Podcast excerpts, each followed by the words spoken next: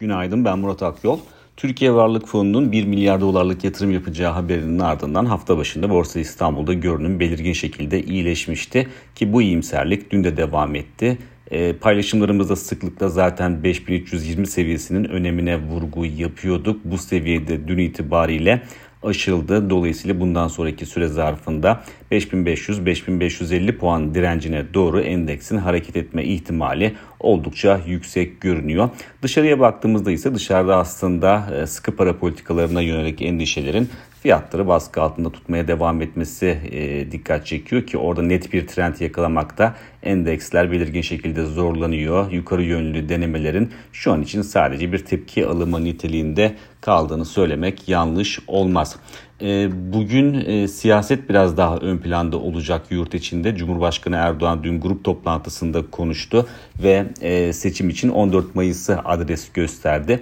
Bugünse Millet İttifakı liderleri bir araya gelecek. Toplantıda Cumhurbaşkanlığı seçimi için isimler üzerinde görüşülmesi bekleniyor ki e, seçim gündemini piyasalarda oldukça yakından takip ediyor ve konu hakkındaki gelişmeler önümüzdeki günlerde Borsa İstanbul'un TL varlıkların hassasiyet göstermesine, daha fazla hassasiyet göstermesine yol açabilir e, diyebiliriz. Yurt dışında bugün gündem sakin.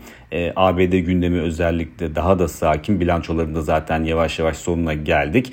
S&P 500 şirketlerin çok önemli bir kısmı e, bilançosunu açıkladı zaten orada. Yaklaşık olarak 10-15 bilanço kaldı açıklanmayan.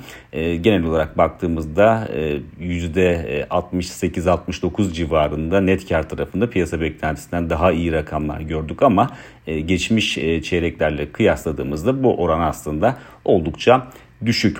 Ee, bugün Euro bölgesinde ECB tutanakları açıklanacak. Ee, enflasyon rakamı da var bugün zaten. Dün Almanya'da enflasyon rakamı e, sürpriz yaptı ve beklentilerin üzerinde açıklandı. Dolayısıyla onu bir gösterge kabul edersek bugün Euro bölgesinde de enflasyonun e, yukarı yönlü bir eğilim sergilemesi şaşırtıcı olmayacaktır. Yüksek enflasyon ortamında ECB'nin de zaten e, kuvvetli faiz arttırımlarına devam etmesi bekleniyor. Bu kapsamda bugün ECB tutanaklarını da yakından takip edeceğiz. Orada kullanılacak ifadeler oldukça önemli e, olacaktır. Ama şunu da eklemek gerekir ki tarihsel olarak baktığımızda aslında ECB tutanaklarında e, çok da yeni mesajlar verilmediğini, piyasaları e, yönlendirecek mesajlar verilmediğini görüyoruz. Dolayısıyla etki derecesinin limitli kalabileceğini de göz önünde bulundurmak gerekiyor.